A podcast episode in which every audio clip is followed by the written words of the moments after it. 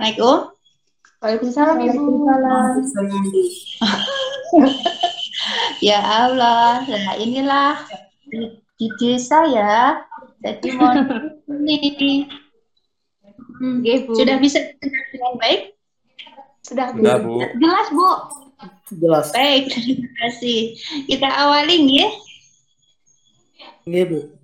Siap. Ya, uh, kita awali. Assalamualaikum warahmatullahi wabarakatuh. Waalaikumsalam warahmatullahi wabarakatuh. Alhamdulillahirabbil alamin. Kita panjatkan kehadirat Allah bahwa pada pagi hari ini kita masih diberikan kesempatan ya untuk bisa bertemu muka meskipun secara tidak langsung ya eh, dalam mata kuliah etika. Baik, mohon maaf kalau Ibu eh, beberapa ini sering ketemu ya dengan kalian dengan beberapa mata kuliah. Mudah-mudahan tidak bosan tapi justru menjadi kita semakin dekat begitu ya antara saya dengan kalian semuanya. Uh, pada pertemuan pertama ini, marilah kita awali dengan basmalah terlebih dulu bersama-sama. Bismillahirrahmanirrahim. Baik, terima kasih. Hmm, untuk kuliah pertama ini kita perkenalan dengan mata kuliah dulu. Kita nanti pertama eh, referensinya apa saja, kemudian silabusnya atau kita nanti akan mempelajari apa saja, kemudian uh, sedikit tentang kontrak belajar dan kemudian yang ketiga uh, yang terakhir yang keempat itu nanti adalah uh, rasionalisasi uh, atau beberapa alasan mengapa kita perlu mempelajari etika dan nanti sedikit perkenalan dengan etika itu ya di silabus itu ya di beberapa uh, babab atau subbab yang nanti kita pelajari bersama. Uh, menurut Ibu ini agar lebih apa ya, agar lebih runtut, maka akan Ibu awali dari kontrak belajar terlebih dahulu. Uh, formnya belum kami terima sehingga kita sementara menyusul dulu kita sampaikan secara uh, lisan terlebih dulu. Oke, nanti kami secara tertulis saya sampaikan kepada Mas Yoga itu ya untuk bisa ditandatangani.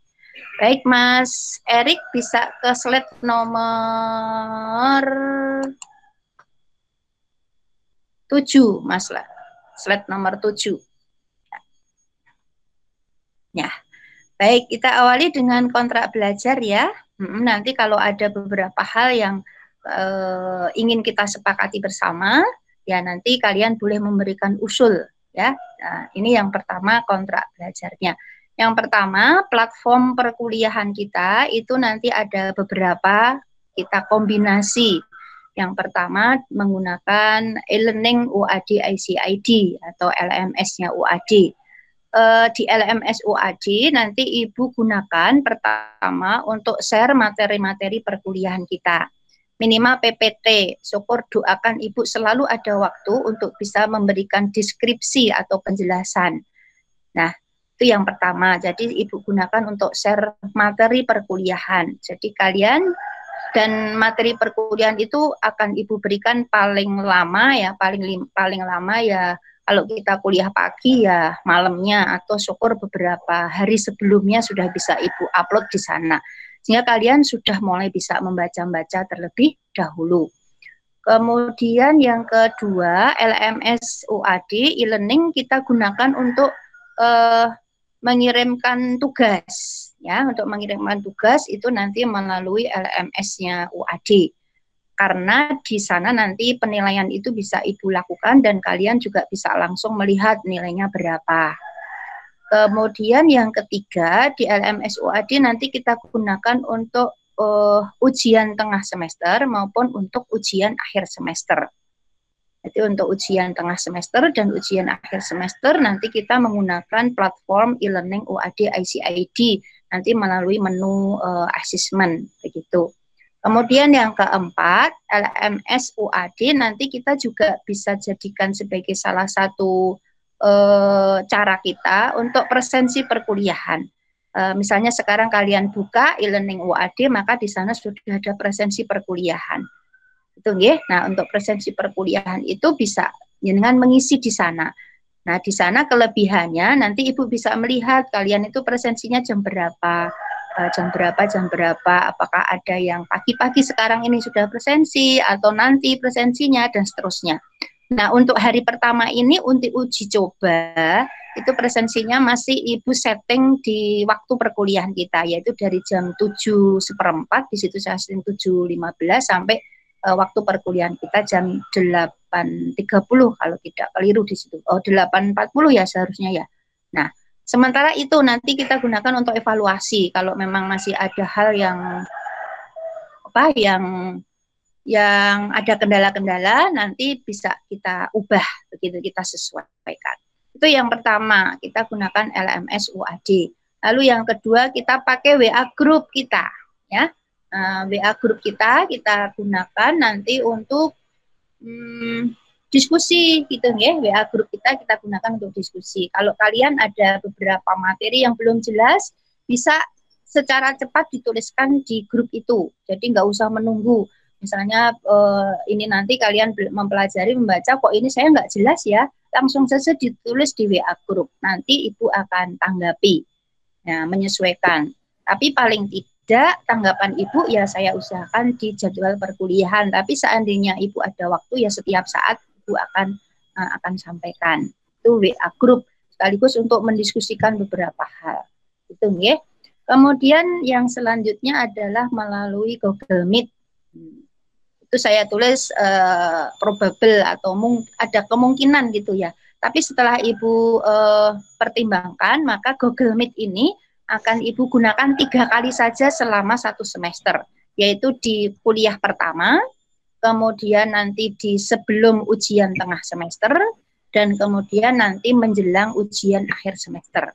Jadi kita sinkronusnya pertemuan secara langsung tiga kali saja dengan beberapa pertimbangan e, kuota, beberapa pertimbangan kendala sinyal dan sebagainya.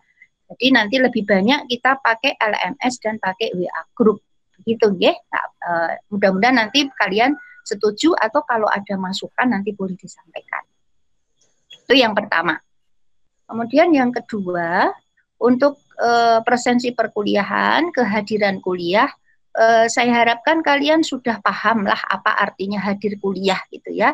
Karena kalian sudah paham dengan apa itu namanya sistem kredit semester SKS gitu kan. Nah, SKS itu kan uh, satuan kredit semester itu intinya satu SKS itu adalah 50 menit tatap muka, 50 menit tugas terstruktur dan 50 menit tugas mandiri.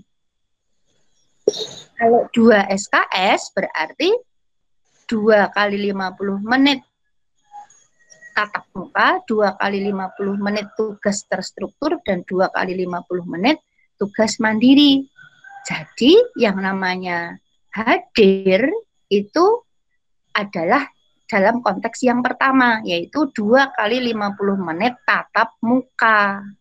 Jadi sebetulnya tidak dapat disamakan dengan pengumpulan tugas di aku sebagai hadir. Itu sebetulnya pemahaman yang kurang tepat dalam yang namanya uh, satuan kredit semester.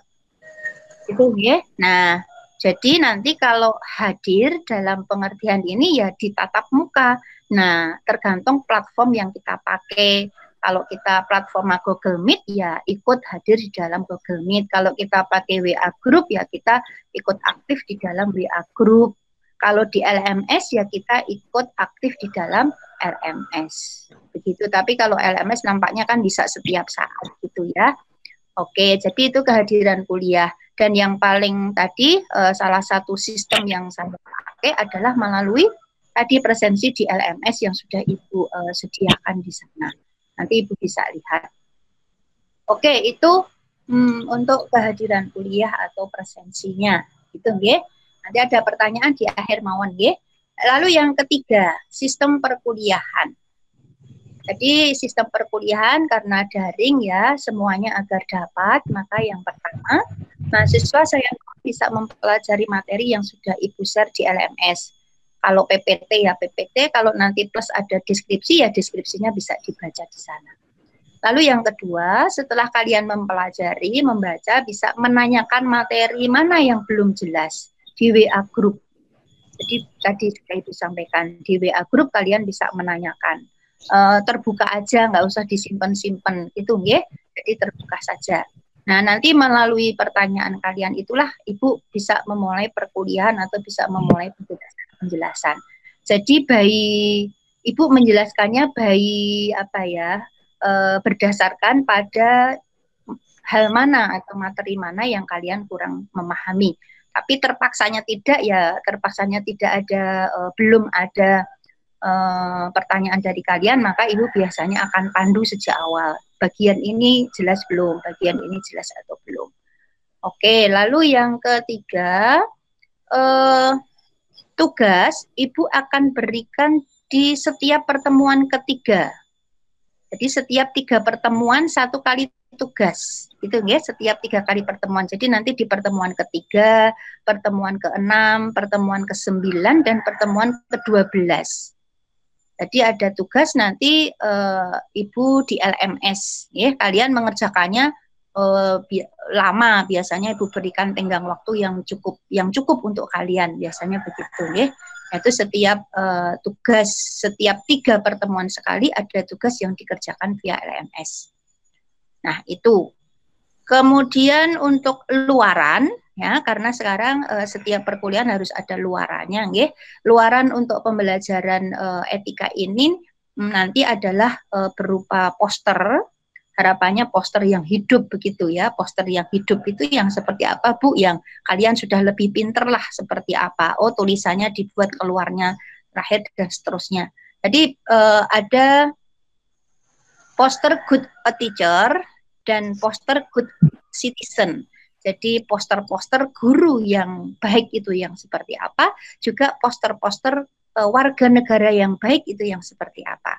Kenapa? Karena dalam mata kuliah etika ini nanti ada dua fokus besar pembahasan, yaitu eh, ciri-ciri uh, atau guru yang baik, etika guru, dan juga nanti kita bicarakan etika kewarganegaraan.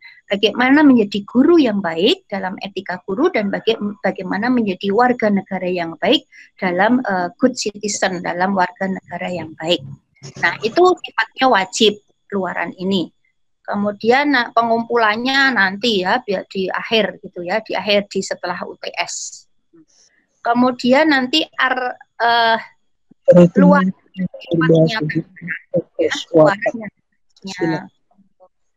tambahan atau sunat muakat sebetulnya ya, yaitu berupa artikel ilmiah.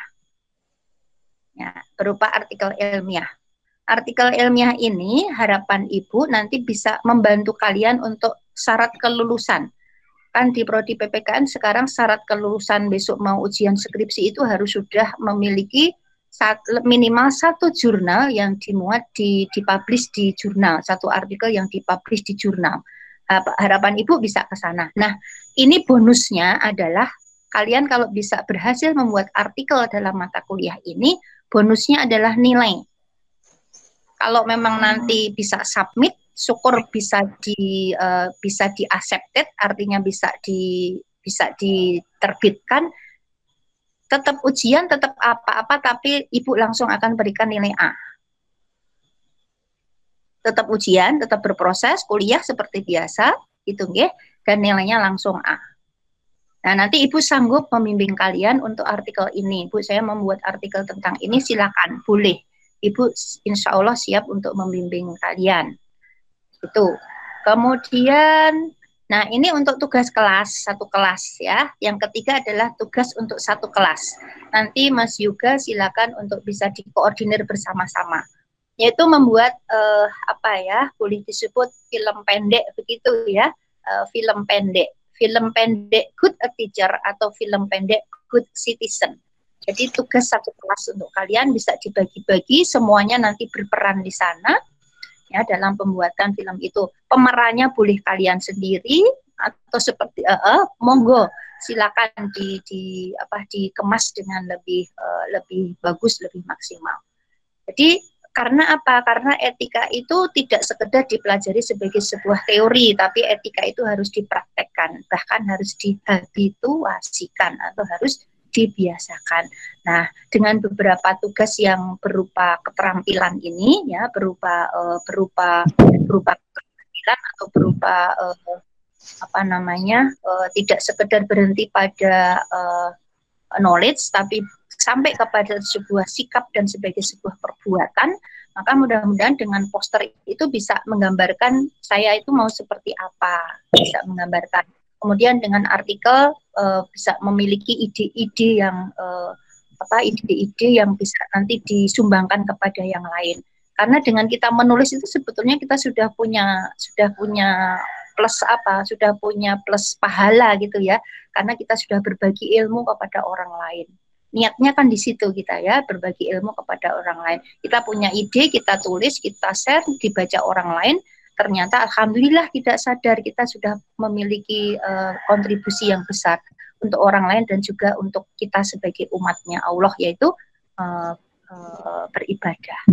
Nah itu kemudian dengan film tadi harapannya kalian bisa praktek begitu kan bisa mempraktekkan oh guru yang baik itu seperti ini maka kita praktekkan.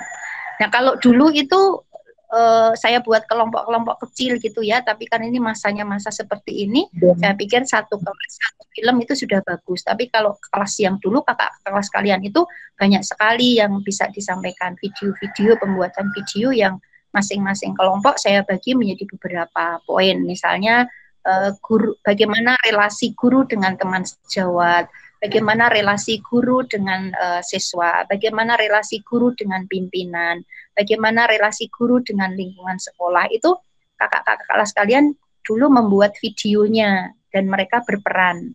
Ada yang berperan sebagai siswanya, berperan sebagai gurunya, berperan sebagai masyarakatnya, bagaimana mereka dengan orang tua, dengan orang tua murid, bagaimana sih sikap yang bagus uh, Eh, relasi antara guru dengan seluruh stakeholder yang ada. Tuh, tapi nanti ini dikemas saja, uh, jadi nanti bisa kalian bagi-bagi gitu, nggih, Mas Yuga. Atau ada usulan boleh juga. Oke, itu untuk luarannya. Kemudian, insya Allah luaran-luaran ini semuanya Ibu hargai dan harapannya Ibu uh, nilainya itu bisa maksimal dan karena saya punya harapan besar kalau nilai saya berikan maksimal itu ibu punya harapan kepada kalian. Apa harapan ibu? Harapan besar ibu adalah kalian adalah menjadi warga-warga negara yang baik menjadi calon-calon guru yang baik. Itu harapan ibu. Sehingga kita punya tanggung jawab. Masuk nilainya A tidak. Serawong ke masyarakat etikanya A kok. Ya serawongnya masyarakat baik. Uh, masa nilainya A tapi kita tidak tidak apa tidak bisa menjadi menjadi guru yang baik, bisa menjadi mahasiswa yang baik, tentu saja kan tidak. Kalau nilai saya A dalam mata kuliah etika ini ya pastinya saya akan berusaha untuk bisa menjadi warga di mana pun yang baik baik warga keluarga, warga sekolah, warga kampus, warga masyarakat, warga komunitas itu semuanya harus kemudian kita berusaha baik. Itu harapan ibu ke sana endingnya. Baik, itu untuk uh, kontrak belajar yang keempat. Lalu yang kelima, nilai akhirnya tugasnya tadi 20%, sikap 15% karena ini etika sehingga lebih banyak ke sikap. Kemudian UTS 30%, UAS 35%. Kalau ada masukan nanti boleh disampaikan. Nah, untuk sikap ini sejak perkuliahan ya, sejak perkuliahan. Uh, nah, eh, sikap-sikap misalnya di WA group gitu ya, eh, maka nanti namanya harus nama nama seperti yang tertulis di daftar hadir kuliah. Seperti di KRS jangan sampai namanya berbeda, jangan namanya pakai inisial. Misalnya eh, Sumaryati ya Sumaryati, Yoga ya Yoga, e, Erik ya lengkap begitu ya. Jangan menggunakan nama panggilan. Kalau nama panggilan nanti Ibu kalau misalnya memberikan penilaian menjadi uh, bingung nanti ini jenenge sopo gitu kan. Oke, misalnya kemudian saat mau menyampaikan pendapat selalu menyampaikan identitasnya. Nah, itu adalah etika.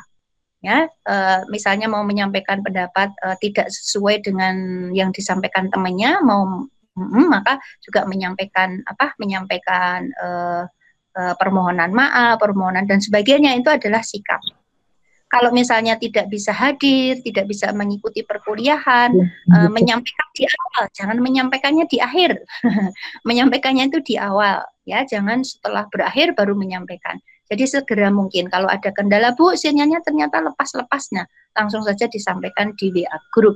Jangan apalagi menyampaikannya nanti mau ujian baru disampaikan, maaf itu eh, apa ya goodwillnya, goodwillnya, etikat baiknya itu belum nampak. Tunjukkan bahwa kita punya goodwill, tunjukkan bahwa kita itu punya etikat baik. Artinya apa? Ya kita menyampaikan segala sesuatu itu di awal, tidak di akhir gitu, nggih. Di nggih, mohon maaf uh, Ibu, ini karena begini. Nah, itu sikap. Itu nggih. Ya, baik. Saya kira itu kemudian pengumpulan tugas, presensi itu juga sikap ya nanti dari lihat saya lihat dari jam waktunya itu saya saya nilai sebagai sikap. Misalnya sekarang ini kalian sudah potensi ya berarti sikapnya nanti menjadi bagus. Uh, karena mohon maaf untuk presensi ini nampaknya masih menjadi perdebatan di tingkat universitas apakah presensi ini akan kembali dijadikan sebagai syarat untuk ujian atau seperti kemarin syarat ujian yang penting sudah mengaktifkan diri di portal tapi kemarin berdasarkan ini akan e, menjadi salah satu pertimbangan dalam syarat untuk mahasiswa bisa mengikuti ujian atau tidak. Walaupun kalau ibu nanti itu akan seleksi alam gitu ya. Kalau kuliahnya kurang bagus ya itu sudah seleksi alam. Pas ujian pastinya juga akan kurang bagus. Itu sudah sudah seleksi alamnya seperti itu biasanya, ya. Nah, Nah, ini beberapa kontrak belajar. Barangkali akan ada yang disampaikan. Dipersilahkan. Monggo. Kita menyampaikan. Bu izin bertanya. Oh ya, Mbak Siti. Silakan Mbak Siti. Eh, ini Bu terkait yang artikel tadi, apakah itu boleh berkelompok? Kemudian untuk tema tema besarnya itu eh, mengenai dua yang good citizen sama good teacher atau boleh selain itu? Oke, Baik, terima kasih Mbak Siti. Uh -uh. Jadi boleh karena kalau mau publish itu kalau syaratnya ujian sih sebagai nama pertama gitu ya. Kalau untuk kalau misalnya mau kelompok, maka yang bisa diakui sebagai syarat adalah yang yang first author, yang penulis pertama. Tapi kalau kalian mau kerjasama bareng-bareng gentian, boleh sekali boleh banget. Nanti misalnya di mata kuliah ini kalian Mbak Siti Komaria sebagai first author dengan anggota Mas Erik misalnya. Boleh. Nanti di mata kuliah lain Mas Erik yang first author nanti yang di yang di Mbak Siti yang uh, yang kedua boleh saja nggak masalah. Tapi yang diakui nanti untuk syarat ujian itu adalah first author sebagai penulis pertama. Kalau penulisannya mau berkelompok boleh itu menunjukkan sikap apa ya sikap kegotong royongan yang bagus itu. Nah, kemudian untuk temanya, tema besarnya eh, etika kewarganegaraan dan etika profesi guru.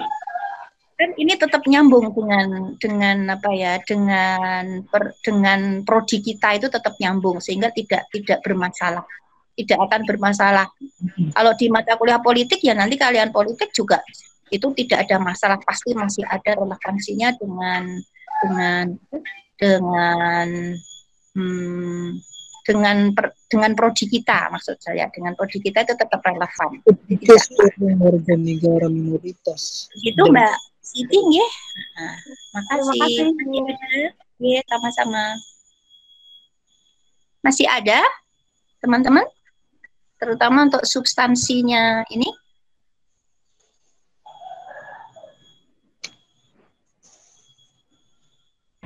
Mohon izin bertanya, Ibu. Baik, monggo Mas Yoga. Uh, terkait yang untuk film pendek tadi itu berarti satu kelas satu film atau dibuatkan kelompok, Ibu? Oke, okay. kalau nanti uh, kalau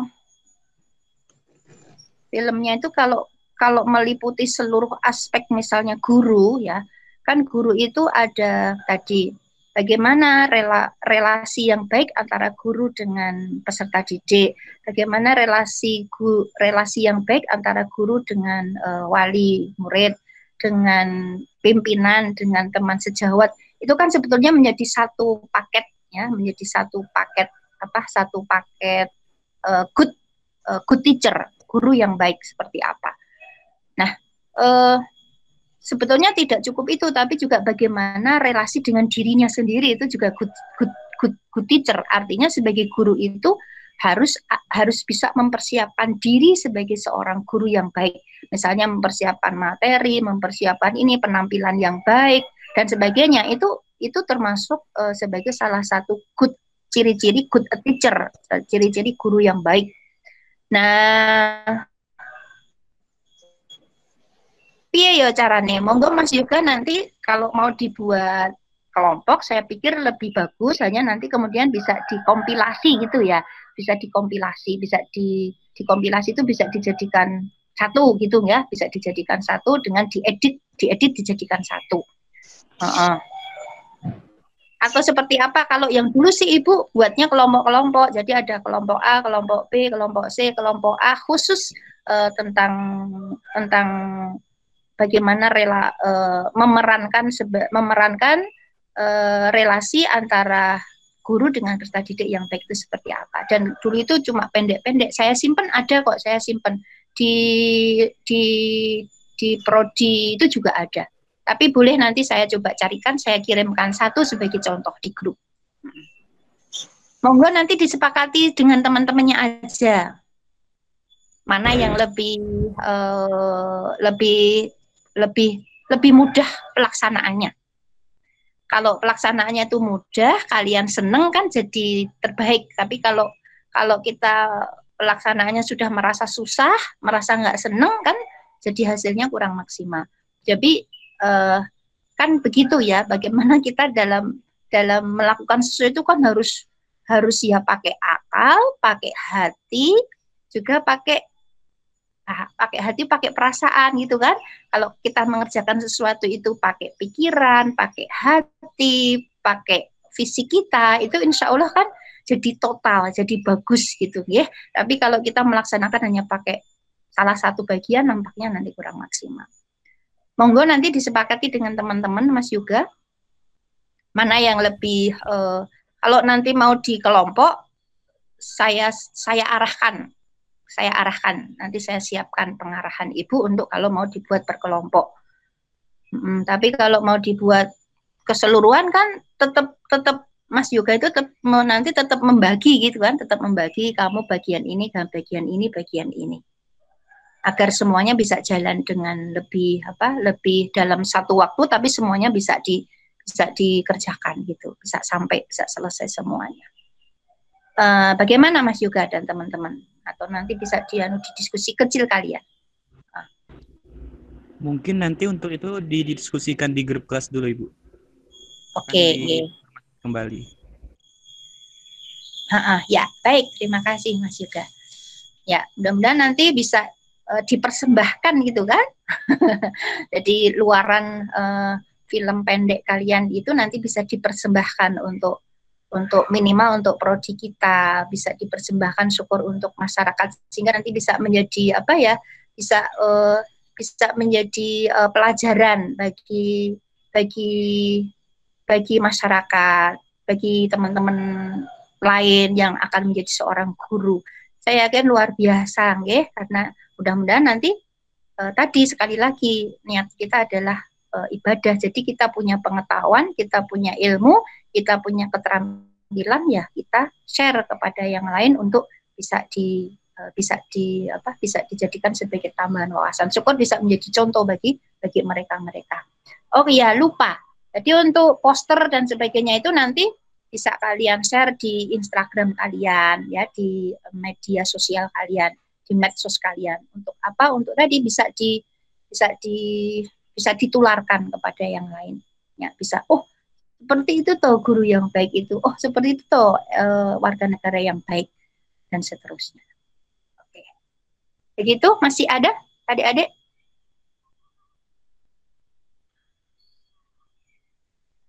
Oke Uh, sementara begitu, ada masukan lagi? Uh, saya boleh tanya, Bu? Oh ya, siap Mbak Roma, yuk. Saya tadi belum tahu untuk pengumpulannya kapan. Mm -mm. Oke, pengumpulannya hmm, agar tidak menumpuk di akhir gitu ya, agar tidak menumpuk di akhir, monggo e, bisa kalian atur. Kan sekarang kalian begitu mendengar nanti ada ada penjelasan-penjelasan, ada materi-materi atau bahkan kalian bisa dari sumber-sumber belajar yang lain itu bisa bisa meng, bisa anu kan bisa bisa oh ternyata guru yang baik itu artinya seperti itu. Kalau begitu saya buatlah poster seperti ini. Nah, langsung aja dibuat dan segera nanti saya sediakan uh, drive uh, Google Drive untuk menyimpan untuk tempat pengumpulannya. Nanti Ibu share di sana. Jadi pengumpulannya monggo, tapi untuk poster agar tidak numpuknya itu terlalu banyak ya maksimal di pertemuan yang ke 12 ya maksimal di pertemuan yang ke-12 agar Ibu penilaiannya penilaian itu juga bisa lebih awal tidak numpuk di belakang. Untuk poster, kalau untuk karya ilmiah eh karena itu kan butuh waktu ya. Untuk karya ilmiah itu paling tidak eh, bukti bahwa kalian sudah submit atau bukti bahwa kalian sudah di accepted, sudah diterima itu di saat minggu tenang. Saat minggu tenang terpaksanya saat intinya sebelum ujian, sebelum jadwal ujian gitu ya, sebelum jadwal ujian. Karena kan kalau kalau sebelum jadwal ujian kan biar ibu nanti penilaiannya itu bisa uh, bisa cepat dan iya sebelum ujian maksimal sebelum jadwal ujian. Misalnya ujian kita jatuh di tanggal 5 Juni misalnya ujian akhir. Nah berarti paling akhir adalah tanggal 4 Juni. Karena ini butuh waktu ya untuk artikel ilmiah. Saya yakin kalian semuanya bisa. Kemudian untuk filmnya sama ya. Untuk filmnya nanti di di minggu tenang saja ya, di di minggu tenang. Jadi paling akhir dikumpul di bisa dikumpulkan di minggu tenang. Jadi masih cukup panjang waktunya eh, karena kita mengerjakan sesuatu memang butuh waktu ya, tidak bisa mendadak, tidak bisa mendadak. Saya tahu itu. Kalau semuanya di dadak-dadak itu hasilnya kurang maksimal. Maka silakan uh, bisa direncanakan perencanaannya seperti apa sampai satu semester full penuh bisa kalian gunakan untuk uh, untuk apa untuk menun untuk uh, menunjukkan eksistensi diri kalian. Untuk menunjukkan siapa aku bahwa aku ternyata mampu bahwa aku ternyata bisa. Begitu Mbak Rahma. Maka uh, untuk teman-teman juga yang lain. Ini Bu matur suwun sami masih ada dek? Adek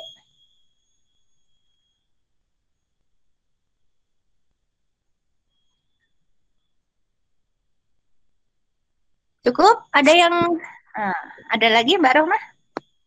Untuk karya tulis ilmiahnya itu tetap eh gimana ya? Nggak harus cinta tuh Bu. Yang penting publish kan Bu? Hmm, yang penting ya jurnal jurnal nasional bisa terakreditasi, bisa tidak terakreditasi. Ya. Tapi kalau mau ya nggak apa-apa kan tarafnya belajar toh ini kita belajar nanti lama-lama kan akan bisa masuk saya aja yang sudah tua begini susah masuk ke sana gitu ya buat aja susah sekali gitu kan uh, tapi kalau kalian saya yakin mumpung masih muda belajar sejak sekarang gitu kan masih muda belajar sejak sekarang insya Allah nanti lama-lama sudah akan terbiasa Ya, segala sesuatu itu kan menjadi menjadi ringan, menjadi mudah karena kita memang terbiasa. Bangun pagi aja susah kalau kita tidak terbiasa gitu kan. Tapi kalau sudah terbiasa ya bangun pagi itu gampang aja, nggak masalah. Sholat malam kalau udah terbiasa ya nggak akan jadi beban gitu kan, ya biasa aja gitu kan. Tapi kalau nggak pernah ya jadi jadi jadi jadi susah. Karena itu nulis juga seperti itu, membuat sesuatu juga begitu, belajar juga seperti itu. Jadi uh, habit sekali lagi habit uh, menghabituasikan eh, nilai-nilai uh, yang baik itu saya pikir menjadi menjadi mempermudah hidup kita. begitu nggih? Oke. Okay. Nggih, Bu. Mm -hmm. Baik, makasih. Masih ada semuanya? Cukup? Insya Allah cukup, Bu. Baik. Mas Erik, langsung ke slide nomor dua, Mas. Naik ke atas. Baik, literaturnya, referensinya ini hmm, ada buku-buku yang baru yang belum Ibu masukkan ini. ada buku-buku baru yang belum Ibu masukkan. Nanti insya Allah Ibu tambahkan ya. Sementara referensi yang bisa kalian baca itu eh, dasar-dasar filsafat punyanya Pak Kunto Wibisono. Sebetulnya tentang filsafat banyak sekali ya, tidak hanya tidak harus dari Pak Kunto Wibisono. Mengapa ini kita bahas atau mengapa buku ini tentang filsafat itu saya sampaikan karena etika itu sebagai salah satu cabang dari filsafat ya, khususnya filsafat moral, khususnya eh, pemikiran-pemikiran uh, tentang kebaikan, pemikiran-pemikiran tentang konsep-konsep baik.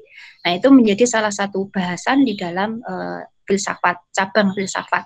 Cabang filsafat itu kan yang berkaitan dengan jiwa manusia ada tiga gitu kan Pertama, eh, logika yang berkaitan dengan rasio, yang berkaitan dengan akal. Lalu yang kedua, etika yang berkaitan dengan karsa, dengan kehendak manusia. Dan yang ketiga, estetika yang berkaitan dengan eh, rasa, dengan hati.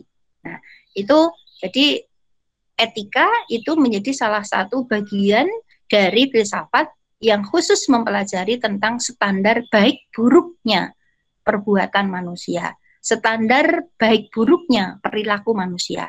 Perilaku manusia dikatakan baik kalau seperti apa. Nanti akan ada berbagai macam uh, versi, ada akan ada berbagai macam konsep, ada berbagai macam pendapat. Hanya nanti kita sebagai orang yang belajar harus cerdas, harus bisa memilih. Jangan sampai kemudian kita semua adopsi. Misalnya ada yang mengatakan perilaku manusia itu dikatakan baik jika perilaku itu bisa menghasilkan kenikmatan atau menghasilkan kesenangan. Ya, kapan itu bisa kita adopsi, kapan itu harus kita tinggalkan, kapan kita itu harus tidak kita pakai sebagai salah satu pertimbangan dalam pengambilan keputusan perilaku kita. Nah, itu kita harus cerdas. Jadi, kita boleh memiliki pengetahuan tentang standar-standar tentang yang baik itu sebanyak mungkin, tapi kita harus cerdas, bisa menentukan sikap, bisa menentukan pilihan, dengan tepat. Kapan konsep itu bisa kita pakai, kapan konsep itu tidak bisa kita pakai. Nah, sehingga ini nanti kita akan jadi orang yang bisa mengambil sisi baik-baiknya sesuai dengan tempat, waktu, dan kepentingannya dan bisa menghilangkan atau bisa membuang hal-hal yang kurang baik. Nah, kita akan jadi manusia yang kualitas baiknya itu akan menjadi lebih tinggi, lebih tinggi, lebih tinggi. Oke, semua manusia itu baik, tapi kualitas baiknya berbeda. Nah, itu nggih, semua manusia itu baik, tapi kualitas baiknya berbeda. Apa saja Bu yang menentukan kualitas baiknya seseorang? Nanti kita pelajari. Kemudian yang kedua bukunya Pujo Wiyatno. Kenapa ini saya pakai? Masih buku Bu itu jadul itu. Kan buku yang referensi yang bagus itu 10 tahun terakhir gitu ya. ini buku jadul kalau digunakan untuk menulis karya ilmiah ini pasti akan di, disingkirkan gitu ya. Tapi untuk referensi perkuliahan saya pikir tetap bisa dipakai. Kenapa? Karena saya pakai ada konsep-konsep mendasar yang uh, saya baca di beberapa buku yang lain itu belum ada. Misalnya berkaitan dengan uh, fungsi norma. Fungsi norma sebagai indeks, vindex, dan audex itu di tempat lain nggak ada bukunya. Nah, saya hanya dari bukunya Pujo Wiyatno itu ada sebagai indeks, vindex dan sebagai apa indeks uh, apa indeks, iudek dan vindex itu tidak ada di tempat lain ya. Saya harus menggunakan bukunya Pujo Wiyatno ini. Lalu bukunya Pak Haris Yubair ini kuliah etika, ini di sana dibahas tentang uh, berbagai norma-norma, uh, kemudian bagaimana relasinya dengan dengan etika, perbedaannya dengan apa perbedaannya dengan moral, perbedaannya dengan susila, perbedaannya dengan etiket. Ya, kita kan kadang rancu ya, itu etika apa moral, apa etiket, apa susila, apa akhlak, itu kan semuanya nampaknya baik semuanya, tapi itu kalau dikaji dalam etika nanti akan memiliki perbedaan-perbedaan. Kemudian De Vos pengantar etika. Oh, ini kok hilang ini tuh ya ya. The Vos pengantar etika penerbitnya hilang ini nanti saya cari. Kemudian Magnesius Seno. Nah, ini etika dasar berbagai permasalahan-permasalahan dalam uh, filsafat moral. Jadi dalam dalam etika itu ada banyak persoalan-persoalan ya. Ada banyak persoalan-persoalan. Misalnya persoalan yang berkaitan dengan kita itu ngerti bahwa itu baik, tapi kenapa kita itu susah untuk untuk yes begitu. kita itu ngerti karena itu baik, tapi kenapa kita itu justru mengatakan tidak baik. Nah, ini permasalahan-permasalahan cukup mendasar di dalam diri kita sebagai manusia. Nah, ini nanti kita bahas bersama. Kemudian dari uh, tim UNY, modul etika kewarganegaraan. Jadi ini juga saya sih pinginnya juga ingin membuat ini satu-satunya modul etika kewarganegaraan itu di UNY ini tahun 90 belum ada yang memperbaiki juga belum ada yang menulis lagi. Nah, mudah-mudahan nanti kalian lah penulis berikutnya. Ibu siap membantu. Kemudian Sucipto dan Rafis eh, profesi keguruan. Ya, jadi nanti ada profesi keguruan. Seperti apa sih eh, profesi guru itu? Nanti kalian bisa membedakan perbedaan antara pekerjaan dengan profesi. Nah, guru itu profesi harus memenuhi beberapa persyaratan ya harus memenuhi beberapa persyaratan sehingga bisa disebut sebagai profesi sekaligus ada pertanggungjawaban yang kita berikan. Nah, itu nanti profesi. Nanti makanya nanti ada kode etik profesi, ada kode etik profesi, ada uh, uh, ada sembilan butir kode etik profesi guru itu. Apalagi sekarang ada PPG dan sebagainya. Nah, itu me, me, menantang kita ya, menantang kita untuk mempersiapkan sejak sekarang menjadi guru yang profesional. Jadi guru yang profesional itu tidak tiba-tiba jadi, tapi guru yang profesional itu memang disiapkan sejak awal, sejak sekarang, sejak masih perkuliahan. Karena itu tidak bisa kok guru e, menjadi seorang guru itu langsung jadi, tidak bisa. Jadi apalagi profesi gitu membutuhkan step by step membutuhkan tahap-tahap yang berkelanjutan untuk menghantarkan menjadi seorang guru yang profesional. Nah, nanti kita pelajari bersama, kemudian menjadi guru yang efektif, bukunya Pak Suparlan. Bagaimana bisa menjadi guru yang efektif itu? Nah, nanti ada beberapa hal yang perlu kita perhatikan ya menjadi seorang guru itu. Hmm, hmm, apa ya? Kalau sekarang tambah ada ini ya, tambah ada di uh, PowerPoint apa itu di sekarang 4.0 ini, ini bahkan sebentar lagi 5.0 memang guru itu harus harus betul-betul uh, satu memiliki memiliki kemampuan berpikir tingkat tinggi itu penting karena uh, potretnya Indonesia itu adalah bisa dilihat di kelas jadi kalau kelasnya itu bagus yaitu potretnya Indonesia, potretnya masa depan Indonesia. Tapi kalau potretnya di kelas itu kurang baik ya, itulah potretnya Indonesia ke depan. Jadi situasi pembelajaran di kelas itu bisa menjadi menjadi potret Indonesia kita ke depan itu kira-kira seperti apa. Nah, nah potret kelas itu akan sangat ditentukan oleh guru maka guru itu harus memiliki high order thinking skill, harus punya keterampilan berpikir tingkat tinggi, harus bisa mengajak anak untuk menganalisa, harus me, me, mengajak anak untuk berkreasi, mengajak anak untuk berinovasi, tidak hanya mengajak anak untuk menghafalkan konsep-konsep. Itu sekarang tuntutannya seperti itu. Ya kan? Kemudian yang kedua, harus menguasai bahasa. Jadi tidak cukup kita menguasai bahasa Indonesia. Jadi kita sebagai seorang guru harus menguasai bahasa yang lain. Harus belajar sejak sekarang. Karena dengan bahasa maka jendela itu akan terbuka. Sebagai seorang guru ilmunya itu akan menjadi semakin luas pada saat bahasa itu kita e, memiliki penguasaan bahasa yang bagus. Nah, lalu yang ketiga, tambah lagi sekarang harus memiliki kemampuan teknologi gitu kan Nah, harus punya kemampuan teknologi. Teknologinya harus bagus, penguasaan IT-nya harus bagus. Di masa sekarang harus begitu. Nah, karena itu seperti Pak Umar bin Khattab mengatakan, didiklah anak-anakmu dengan sesuai dengan zamannya. Didiklah anak-anakmu dengan baik, dengan maksimal, karena zaman yang dihadapi oleh anak-anakmu itu akan berbeda dengan zaman yang kamu hadapi sekarang. Nah, proyeksi ke depan seperti apa? Nah, itu harus kita kita kita bekalkan ya, kita bekalkan kepada anak didik kita. Nah, makanya tadi karena harus ke depan itu tuntutan jurnal-jurnal itu, artikel-artikel ilmiah kita harus publish itu, makanya sekarang dilatih dilatih sejak sekarang mahasiswa. High order thinking juga seperti itu. Penguasaan teknologi kita harus belajar. Nah, termasuk ibu, walaupun ibu itu belajarnya yo yo lama gitu ya, lain dengan kalian, ibu sudah Pentiumnya itu tidak tidak lagi Pentium berapa, ibu Pentium satu aja itu gradul-gradul banget gitu ya.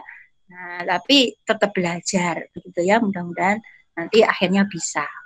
Oke. Begitu nggih. Jadi itu nanti beberapa buku yang kita pelajari dan sedikit Ibu berikan apa namanya isi ceritanya di sana antara lain seperti itu. Baik, lanjut Mas Erik. Tidak menutup kemungkinan kalau nanti kalian uh, ada eh, sumber-sumber uh, belajar yang lain, e-book nanti bisa dicari ya. Kemarin Ibu sempat cari tentang e-book juga jurnal-jurnal tentang etika itu luar biasa ternyata banyak banget gitu nggih. Nah, silakan kalian uh, mencari eh, sumber-sumber uh, belajar yang lain. Di era sekarang kan memang harus begitu. Oke. Baik, nanti bisa ditambahkan di sana dan bisa kalian jadikan sebagai rujukan dalam mengerjakan tugas, sebagai rujukan dalam mengerjakan soal ujian, mengerjakan rujukan uh, sebagai rujukan dalam artikel, boleh itu nggih. Nah. Ya, lalu apa saja Bu yang nanti kita pelajari? Yang pertama nanti kita pelajari apa itu etika. Arti etika, kemudian eh, tadi beberapa sinonim atau beberapa padanan kata etika, ada moral, ada akhlak, ada etiket, perbedaannya apa gitu ya. Nah, nanti kita pelajari bersama sehingga nanti kita bisa menggunakan eh, apa bisa menggunakan eh, kata yang tepat ya kapan kita menggunakan kata moral, kapan kita menggunakan akhlak, kapan kita menggunakan etiket, kapan kita menggunakan istilah etika. Itu bisa benar, bisa tepat. Nah, nanti kita coba pelajari bersama. Lalu berikutnya postulat etika. Apa Bu postulat et, es, uh, postulat etika itu? Postulat etika itu adalah eh, asumsi-asumsi dasar yang sudah tertanam dalam diri setiap manusia yang mendorong manusia itu untuk selalu berbuat baik. Nanti ada tiga postulat etika. Salah satunya adalah tentang keberadaan Tuhan. Pada saat kita itu punya pemahaman tertanam dalam diri kita bahwa Tuhan itu ada di mana-mana, bahwa Tuhan itu selalu melihat saya, bahwa CCTV-nya Allah itu selalu menyorot perilaku saya, pastinya kita akan selalu terdorong untuk berbuat baik. Jadi nanti ada tiga. Sayangnya, sayangnya kadang kita lupa dengan itu. Ya, kita kadang lupa, kadang bahkan pura-pura tidak tahu bahwa Tuhan itu ada bersama saya, bahwa di kanan saya ada si Rokib, di kiri saya ada si Atit yang selalu akan mencatat tidak pernah terlewatkan dari apa pun yang kita lakukan. Meskipun sudah sembunyi, meskipun sudah nggak ada orang, tapi Rokib dan Atid sebagai utusan Allah memantau setiap perilaku kita. Nah, kalau itu tertanam dalam diri kita, maka itu luar biasa insya Allah kita akan menjadi orang-orang yang selalu baik, selalu berperilaku yang baik, selalu berperilaku yang yang sesuai dengan jalurnya, sesuai dengan relnya, sesuai dengan norma-norma yang ada. Ini penting, makanya ada saya berikan gambaran ya, ada teman saya itu eh, menghidupkan Tuhan di dalam ruang kerjanya itu dengan menempelkan foto putra putrinya foto putra putrinya itu ditempel di ruang kerjanya dan kemudian di bawahnya itu diberi tulisan. Tulisannya saya baca berbunyi, Ibu berikan aku nutrisi yang halalan toiban. Nah, itu yang saya tanya, kenapa ini Ibu tampang di sini dengan tulisan seperti ini? Itu ben aku ngati-hati, Bu Mar. Apa jawabannya? Itu aku ben ngati-hati, Bu Mar. Maksudnya, foto dengan tulisan itu biar membuat saya hati-hati. Nah, itu cara beliau menghadirkan Tuhan di dalam ruang kerjanya. Jadi poster-poster, tulisan-tulisan itu menjadi sangat efektif ya untuk mengingatkan kita. Saya saya dulu tugaskan di mata kuliah etika profesi hukum itu bagus-bagus juga. Ada satu yang saya ambil saya tempel di motor saya. Karena bagi saya itu uh, bisa membuat saya selalu ingat Allah gitu lah. Saya tempel di depan motor saya itu sampai sekarang masih ada. Nah, gunakan cara-cara begitu. Ini bagus sebetulnya untuk penelitian juga ya. Bagi kalian yang nanti penelitian membuat skripsi, itu bagus juga untuk penelitian. Apakah guru-guru itu sudah menggunakan eh, media-media pembelajaran yang seperti itu dalam kaitannya etika? Termasuk ibu, apakah ibu sudah menggunakan media-media seperti itu? Gitu. Kalau ibu belum sih, Hmm, karena harus tunak-tunuk itu ya carinya ini gambarnya aja nggak bisa, korel aja masih tunak-tunuk juga nggak bisa gitu kan. Nah ini, jadi memang IT itu penting ya karena eh, media-media seperti itu menjadi sangat efektif untuk membuat seseorang itu selalu ingat, selalu terkendali. Baik itu postulat etika, nanti masih ada dua. Lalu aliran-aliran etika, aliran-aliran etika ini nanti yang me, apa? Yang tadi beberapa beberapa pendapat yang yang beberapa pendapat tentang standar perilaku manusia dikatakan baik atau buruk. Standar perilaku manusia yang baik itu seperti apa? Nanti kan muncul beberapa pendapat, muncul beberapa uh, pemikiran. Nah, pemikiran-pemikiran itu lalu uh, ada pengikutnya, maka menjadilah aliran dalam etika. Ada hedonisme, ada utilitarianisme, ada pragmatisme, ya, ada altruisme dan sebagainya. Nanti ada beberapa pendapat. Baik, itu e, bagian yang pertama. Lalu bagian yang kedua nanti kita bicarakan definisi etika. Beberapa definisi etika, nanti etika itu apa? Hmm, nanti kita ada empat empat definisi yang ibu ambil. Nah, kemudian ada dari Bapak Sunoto, ada dari Bapak Ki Hajar Dewantoro dan sebagainya. Nanti ada empat. Kemudian yang berikutnya objek etika. Objek etiki, objek etika uh, yang dipelajari oleh etika atau sesuatu yang dapat dikatakan baik atau buruk itu yang seperti apa? Perilaku manusia yang manusia yang seperti apa yang dapat dijadikan sebagai objek etika? Apakah orang yang maaf uh, majnun? Apakah orang yang uh, hilang ingatan itu dapat di, dapat menjadi objek etika? Apakah orang yang maaf gila itu dapat kita kita katakan perbuatannya tidak baik? Ternyata orang yang gila bukan objek etika.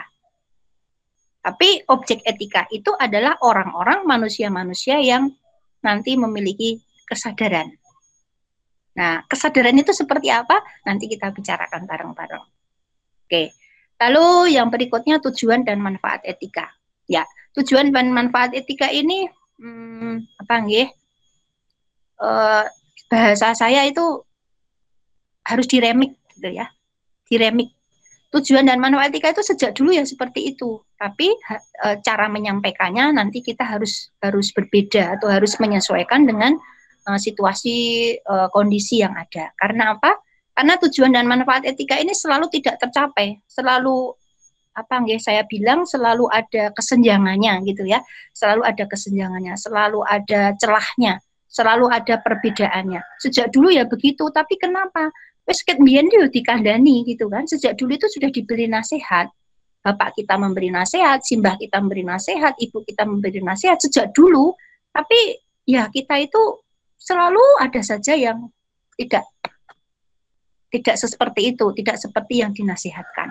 Nah, nanti ada apa gitu kan? Apa kendalanya?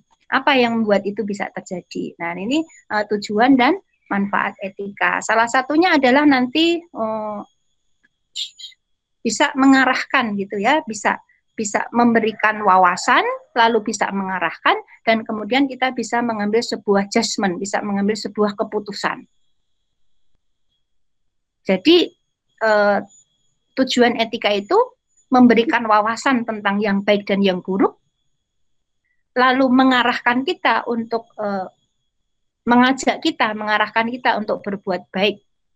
Dan yang ketiga, kemudian kita bisa menjudgment, bisa mengambil sebuah keputusan jadi pada saat kita sudah tak mengambil sebuah keputusan, itu berarti nanti kita harus bertanggung jawab. Karena apa? Karena saat kita mengambil keputusan itu mestinya sudah didasarkan kepada wawasan, sudah didasarkan kepada sebuah pengetahuan, pada wawasan.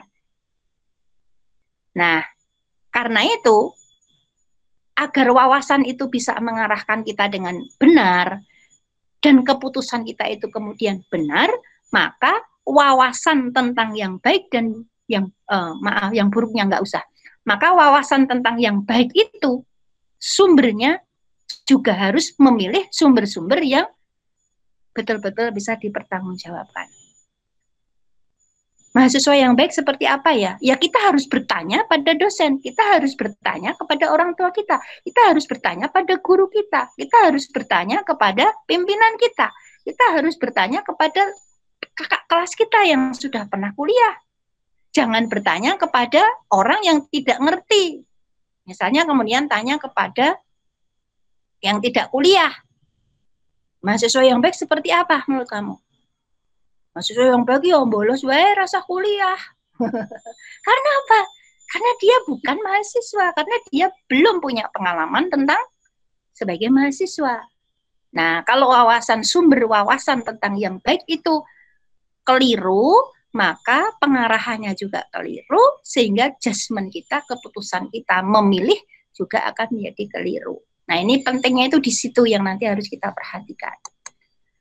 Oke, lanjut Mas Erik.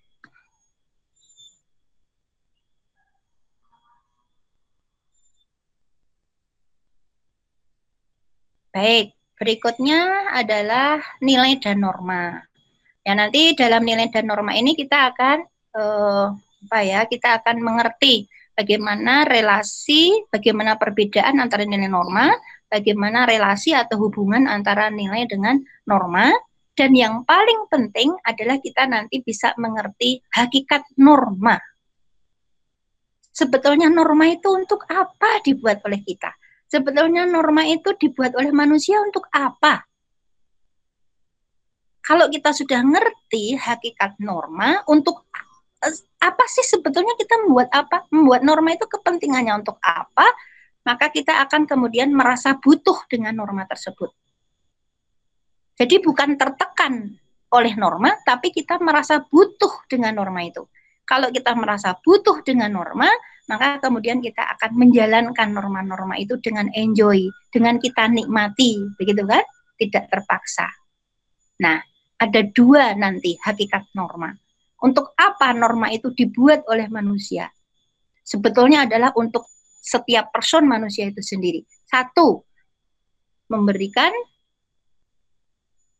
peluang kepada kita untuk lebih bereksistensi yang kedua, untuk meningkatkan harkat martabat manusia. Yang ketiga, untuk uh, maaf, untuk melindungi hak kita. Jadi norma itu sebetulnya dibuat atau e, norma itu hakikatnya adalah melindungi hak kita, hak kita menjadi terlindungi pada saat kita itu tidak taat kepada norma, ya hak kita menjadi terancam. Yang kedua, meningkatkan eksistensi kita. Memberi peluang eksistensi kita itu le e, lebih dibandingkan yang lain. Kalau kita taat norma kan seperti itu. Ya kan? Taat norma, um, tadi haknya menjadi terpenuhi, bisa ujian, bisa ini, bisa itu, kemudian uh, belajarnya juga bagus, norma-norma belajarnya ditaati, akhirnya berprestasi. pada saat IP-nya bagus, berprestasi, ya eksistensinya lebih dibandingkan yang lain. Jadi pada saat itu uh, ada dalam diri kita, sadar bahwa norma itu seperti itu, ya kita pastinya setiap apa ya, setiap kita itu hadir dalam setiap event, hadir dalam setiap komunitas, dalam sebuah aktivitas kita pasti akan bertanya, ini aturannya apa ya, normanya yang berlaku seperti apa. Nah, karena apa? Karena dengan norma kita jadi orang yang uh, tadi dengan uh, hak kita menjadi terlindungi dan um, eksistensi kita itu ada peluang untuk lebih dibandingkan yang lain. Pastinya kalian pengen haknya ter terlindungi dan pastinya pengen eksis eksistensinya lebih. Makanya kita perlu mentaati nur norma. Nah, nanti kita bicarakan. Kemudian berikutnya kebebasan dan tanggung jawab. Ya, kebebasan dan tanggung jawab hubungan antara kebebasan nanti pengertiannya, lalu macam-macamnya, lalu pengertian tanggung jawab dan hubungan kebebasan dengan tanggung jawab. Ya, nanti kebebasan itu apa sih? Hmm, lalu macamnya eh, kebebasan itu eh, macamnya apa saja? Ada kebebasan kebebasan fisik, ada kebebasan moral, ada kebebasan kehendak. Hmm, kalau dalam konteks etika begitu ya, ada kebebasan moral, ada kebebasan eh, jasmani, fisik, dan ada kebebasan kehendak.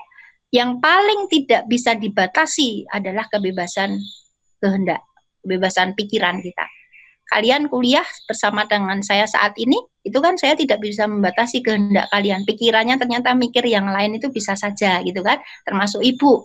Uh, ini tapi pikirannya di tempat lain bisa saja. Itu tidak uh, yang bisa memaksa kebebasan kehendak adalah yang bisa mengatur mengendalikan kebebasan kehendak adalah uh, person dirinya sendiri-sendiri yaitu kemampuan memaksa dirinya sendiri itu yang bisa mengatasi yang bisa mengendalikan kebebasan kehendak kebebasan pikiran kemudian uh, hubungannya uh, bukan terbalik tapi hubungannya hubungannya linear hubungannya sejajar Semakin besar kebebasan, semakin besar tanggung jawab. Seringkali kita pemahamannya implementasi sering keliru. Semakin bebas, maka kita kadang merasa semakin tidak bertanggung jawab. Padahal tidak. Semakin besar kebebasan, semakin besar pula tanggung jawab. Semakin kecil kebebasan, semakin kecil tanggung jawab. Semakin banyak kita diatur, semakin banyak kita uh, ditekan, maka tanggung jawab kita semakin kecil. Kenapa? Karena yang bertanggung jawab yang menekan kita. Tapi semakin kita diberi kebebasan, semakin kita diberikan uh, kemandirian, ya, kebebasan, maka tanggung jawab kita semakin besar. Di sinilah nanti dalam konteks yang namanya kedewasaan.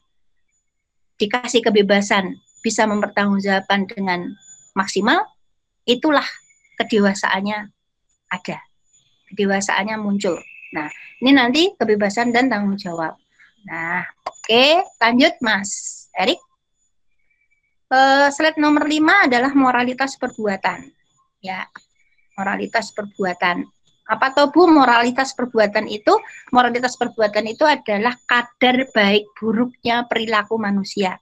Tadi di awal tadi Ibu bilang kan semua orang itu baik, tapi kadar baiknya berbeda. Nah, itulah moralitas perbuatan. Moralitas perbuatan manusia itu adalah kualitas baik buruknya perbuatan tersebut. Sama-sama menolong, tapi kualitas baiknya berbeda. Tergantung nanti kepada tiga hal. Niatnya, caranya, tujuannya. Kalau niatnya bagus, caranya bagus, tujuannya bagus, oke. Kualitas baiknya akan bagus. Tapi kadang kan kita tujuannya bagus, tapi caranya melakukan tidak bagus, tidak baik. Melanggar norma bisa saja. Tapi tujuannya bagus. Tujuannya apa? Ingin membantu orang tua. Dengan nilainya biar bagus, maka membantu orang tua. Tapi caranya penghalalan segala cara saat ujian. Nah, kualitas baiknya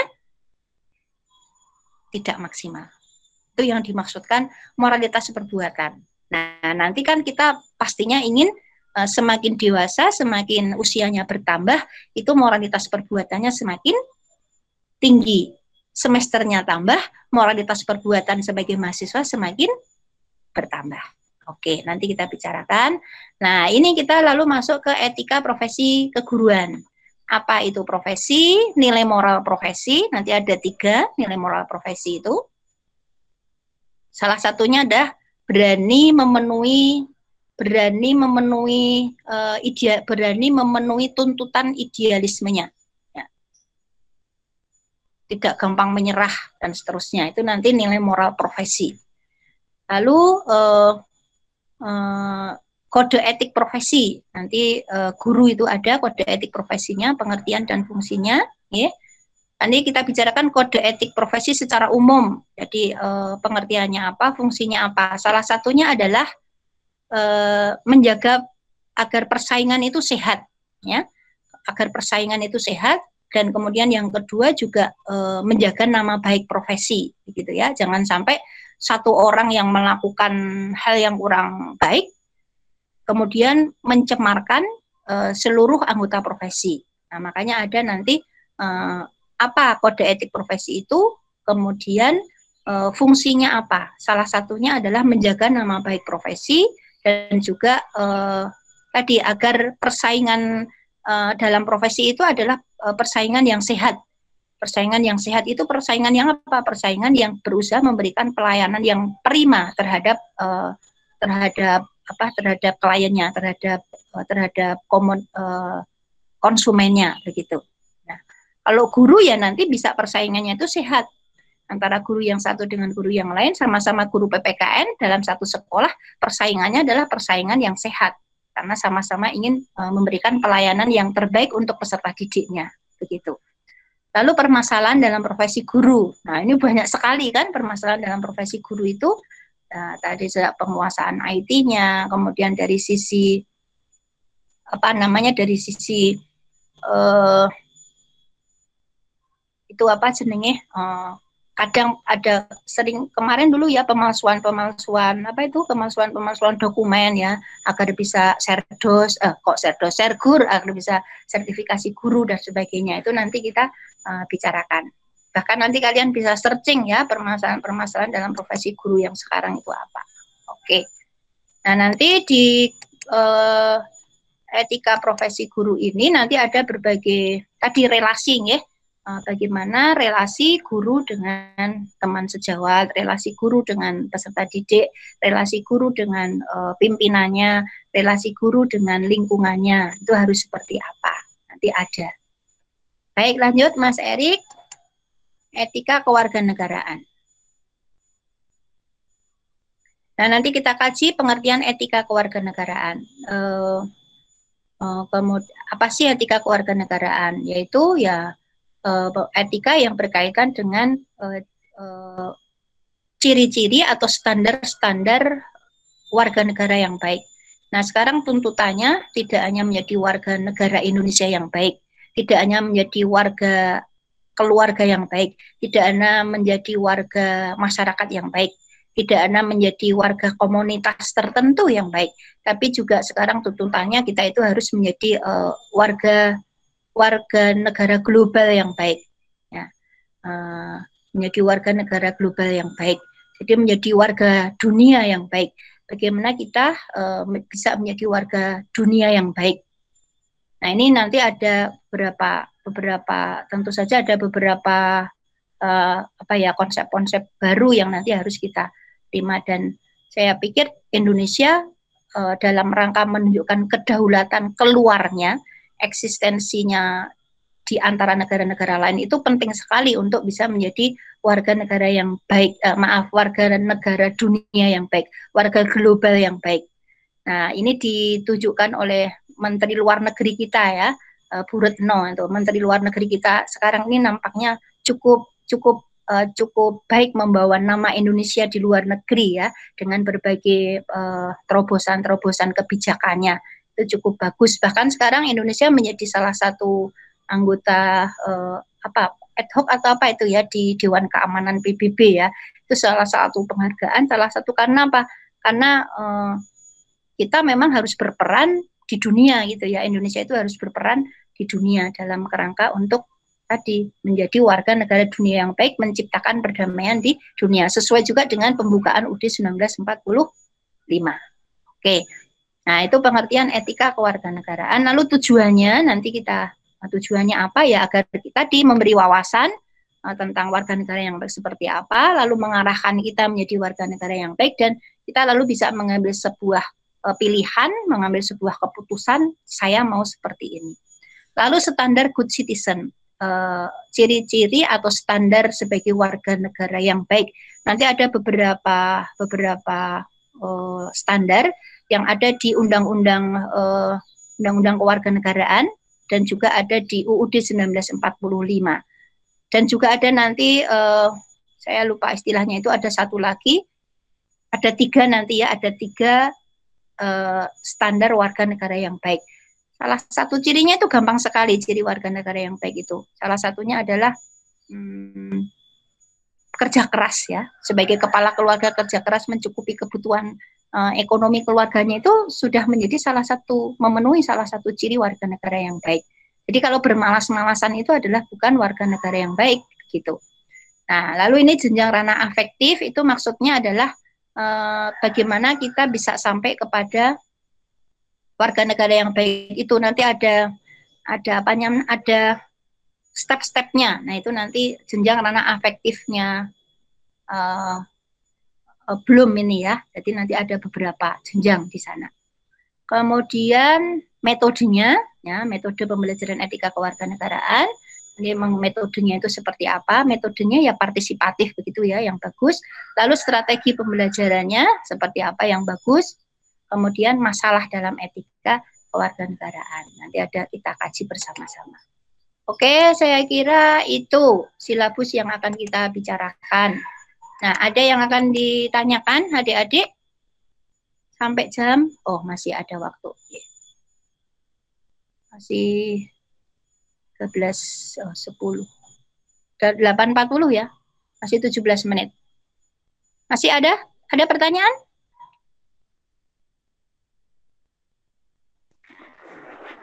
Mm-hmm. Ya, Rahmah ada yang ingin disampaikan? Silakan. Saya mau tanya, Bu. Uh-huh. Itu terkait dengan masalah dalam etika keluarga negaraan, apakah setiap apa ya, setiap perkembangan zaman, tersenya setiap periode, apakah mengalami hak perubahan atau masalahnya memang seperti itu-itu saja? Uh-huh. Oke. Okay. Baik, Mbak Rohmah, nanti temannya bisa menambahkan ya. Uh, permasalahan etika kewarganegaraan sangat dinamis gitu ya, sangat dinamis. Jadi kalau dulu kita pernah mengikuti sosialisasi apa itu sosialisasi undang-undang kewarganegaraan ini ya. Itu kalau kalian melihat data-data misalnya eh, ngomong-ngomong diskusi dengan orang yang bekerja di Dukcapil. Dukcapil itu di tingkat kabupaten ya, Dukcapil. Ya bagian yang mengurusi pendaftaran kewarganegaraan itu ya. Itu luar biasa sebetulnya. Masih banyak warga negara-warga negara yang eh, rangkap apa itu namanya? rangkap kewarganegaraan. Orangnya di sini tapi dia sebagai warga negara yang lain. Apalagi kaitannya dengan orang asing yang datang ke Indonesia. Itu etika kewarganegaraan. Kemudian maaf, kasus maaf ya, ada kelahiran-kelahiran anak yang tidak di di apa? tidak dikehendaki. Kemudian ditinggal dan dirawat orang. Itu bagaimana dengan dengan kewarganegaraannya? Itu persoalan-persoalannya ternyata sangat banyak. Terus sekarang ada kalau di sekarang anak ibu yang hamil gitu ya, ibu yang hamil yang belum melahirkan itu kan sudah harus sudah harus mendaftar, sudah harus memberikan nama, lalu didaftarkan gitu kan, sehingga begitu dia keluar itu nanti sudah punya namanya apa itu kartu kartu identitas anak apa ya? KIA ya, kartu identitas anak. Dulu kan nggak ada kartu identitas anak itu. Anak saya tuh saya carikan udah gede, udah SMP baru saya carikan. Yang gede sudah kuliah baru saya carikan. Karena dulu nggak ada. Sekarang KIA, nah tentang KIA, tentang kartu bukan kartu in, uh, kartu identitas anak itu apakah warga negara kita itu sudah ngerti, sudah sadar, sudah paham? Coba kalian lihat sosialisasinya seperti apa? Sudah dilakukan belum oleh Dukcapil? Warga negara kita tahu atau belum? Ini bisa menjadi penelitian-penelitian lahan penelitian kalian. Nah, ini permasalahan-permasalahan. Silakan nanti boleh kita kan kalau mau menggali berbagai persoalan etika kewarganegaraan di sana. Bahkan eh, tanya kepada Pak Lurah, tanya kepada Pak Dukuh, bagaimana dengan warga negara kita kalau gotong royong itu seperti apa? Mestinya gotong royong itu kan membawa beban itu bersama-sama. Tapi sekarang kan gotong royong itu bergeser. Maaf Pak Duko, saya nggak bisa kerja bakti. Saya ganti uang saja ya. Kalau semua lalu berduit diganti uang terus apa sih nandangi? Itu kan? Padahal mereka juga mau kerja. Artinya apa? Hakikat nuansa kebersamaannya itu menjadi kurang. Kebersamaan itu kan tidak hanya itu selesai ya, tapi barangkali sudah ada pergeseran, mungkin saja terjadi. Tapi uh, ini perlu diteliti apakah kebersamaan bentuk-bentuk baru kebersamaan dalam uh, dalam menjalankan eh, norma-norma yang berlaku di desa atau yang di dusun itu seperti apa. Nah, iya, etika keluarganya begitu. Terus itu contoh lain. Pada saat uh, 17 Agustus, etika kewarganegaraannya apa? Setiap rumah, setiap uh, kepala keluarga, setiap rumah itu harus ini kan pasang gendero gitu kan, pasang bendera merah putih. Itu etika kewarganegaraan. Setiap setiap kampung kita mau kok kampung ya, setiap setiap keluarga apakah sudah begitu? Ada yang belum. Guru lagi, tapi dia nggak pasang bendera. Itu etika kewarganegaraan. Nah, jadi sebetulnya banyak sekali persoalan-persoalan nanti yang bisa kita kaji dan sifatnya memang dinamis ya, dinamis. Ada persoalan, kadang hmm, persoalannya itu kalaupun substansinya sama, tapi bentuknya menjadi ber, sudah berbeda, sudah beragam karena uh, dis, uh, apa sudah dipengaruhi oleh oleh tadi oleh uh, um, tuntutan sehingga dia harus banyak bekerja, banyak keluar, hari libur aja harus kerja dan seterusnya. Sehingga itu membuat pergeseran-pergeseran bentuk-bentuk etika kewarganegaraan dari seorang warga kampung atau warga e, desa. Termasuk tadi sederhananya kita di kuliah ini ya. Kalau dulu kan kuliah ketemuan, maka kalau tidak hadir ya gimana? E, gitu kan? E, apalagi zaman saya dulu gitu kan pakai surat gitu kan. Kalau zaman dulu kan saya pakai surat kalau nggak masuk sekolah nggak nggak itu kan pakai surat dikasihkan sama gurunya. Sekarang sudah nggak pakai surat. Sekarang pakainya eh, pakainya di scan, dikirim. Tapi substansinya sebetulnya sama yaitu apa? Etikanya sudah menyampaikan pamit tidak bisa ikut kuliah.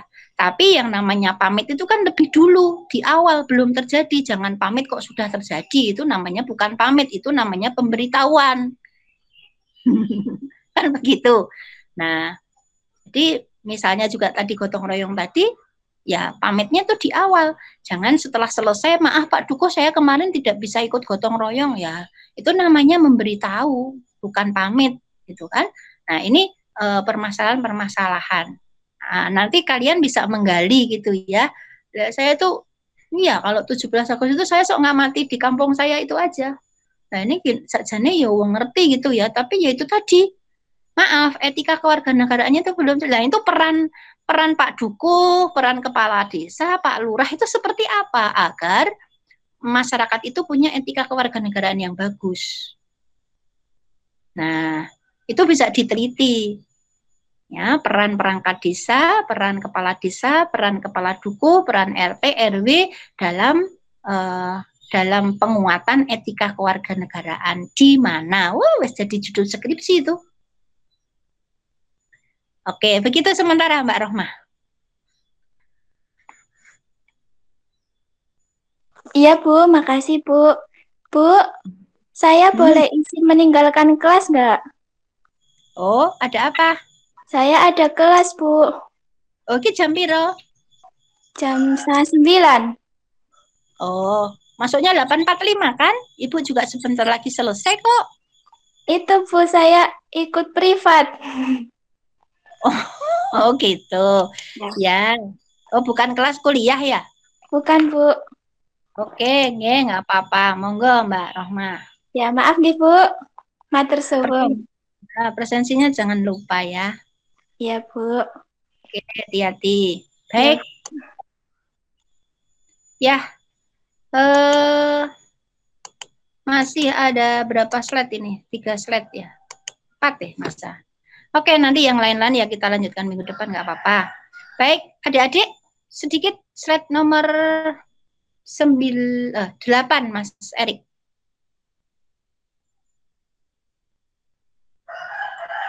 Ya, rasionalisasi. Ya, oke. Okay. Nah, rasionalisasinya mata kuliah etika. Nanti kalian bisa menambahkan ya, ya bahwa fitrahnya manusia itu baik. Oh, loh? Iya, fitrahnya manusia itu baik. Enggak ada manusia kok dikatakan kalau dikatakan tidak baik itu pasti membela diri. Hmm, enggak kok, begini kok, gitu kan. Jadi fitrahnya manusia itu baik. Fitrahnya manusia itu ingin dikatakan baik. Wes cetro-cetro melanggar saja, kalau diingatkan membela diri juga, beralasan juga. Nah, karena fitrahnya manusia itu baik, maka tugas kita adalah menjaga fitrah yang baik tersebut.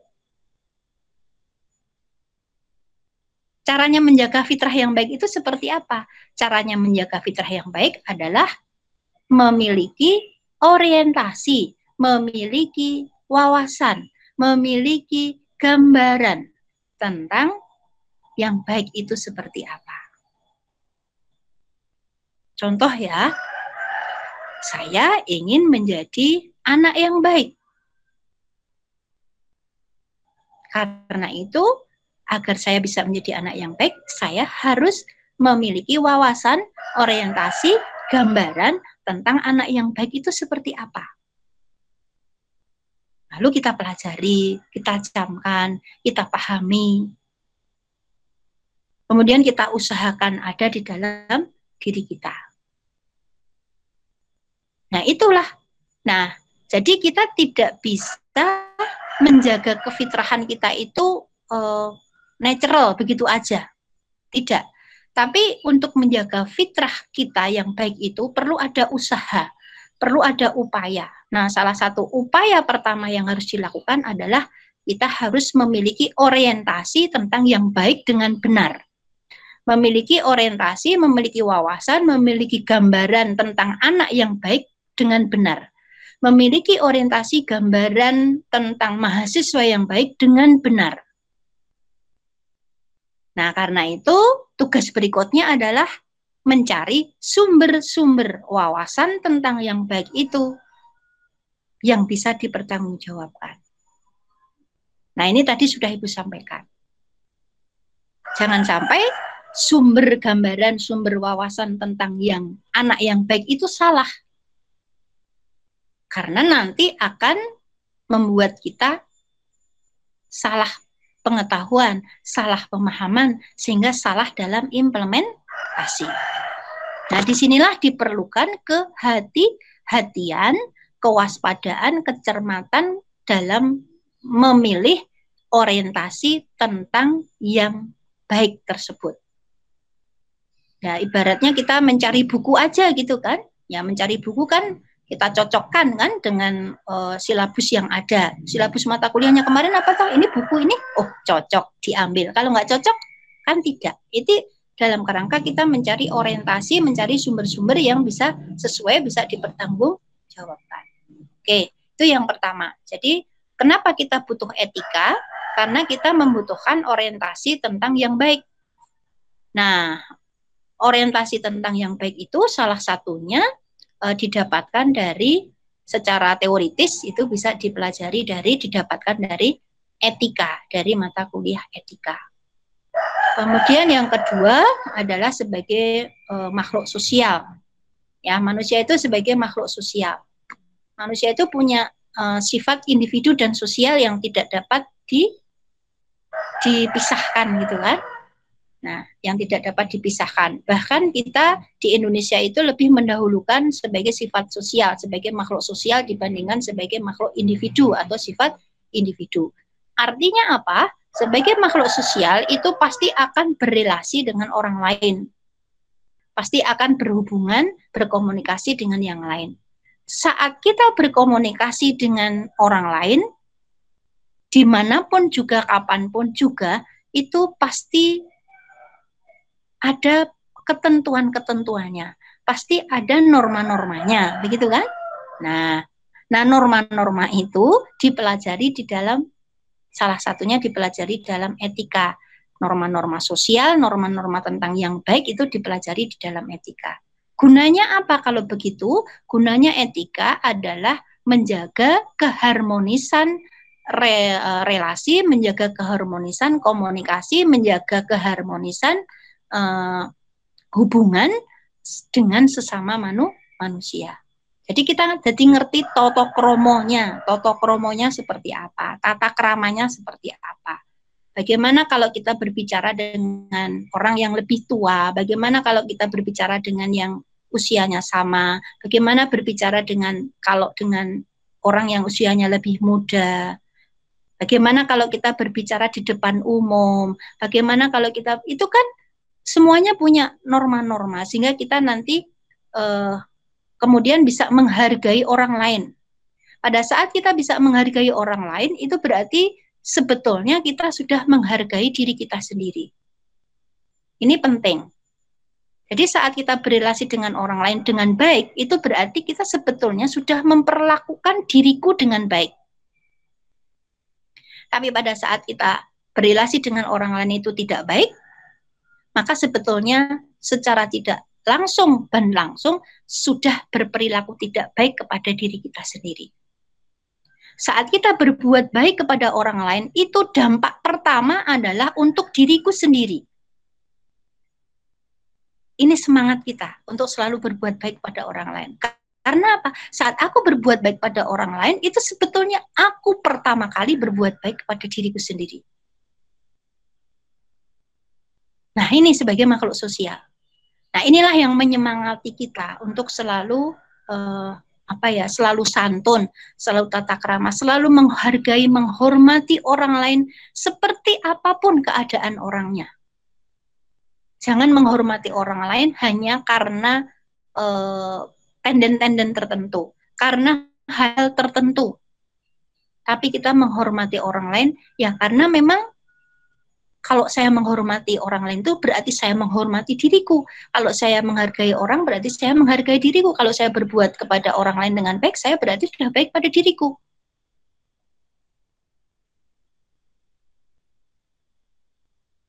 Nah, ini ya. Jadi uh, mari nanti kita bangun bersama-sama. Jadi tanpa membeda, tanpa membeda-bedakan, tanpa pilih kasih, uh, tanpa tapi tanpa ada apa ya uh, tanda petik tanda petik tertentu. Artinya kepada semua orang adalah baik. Karena apa?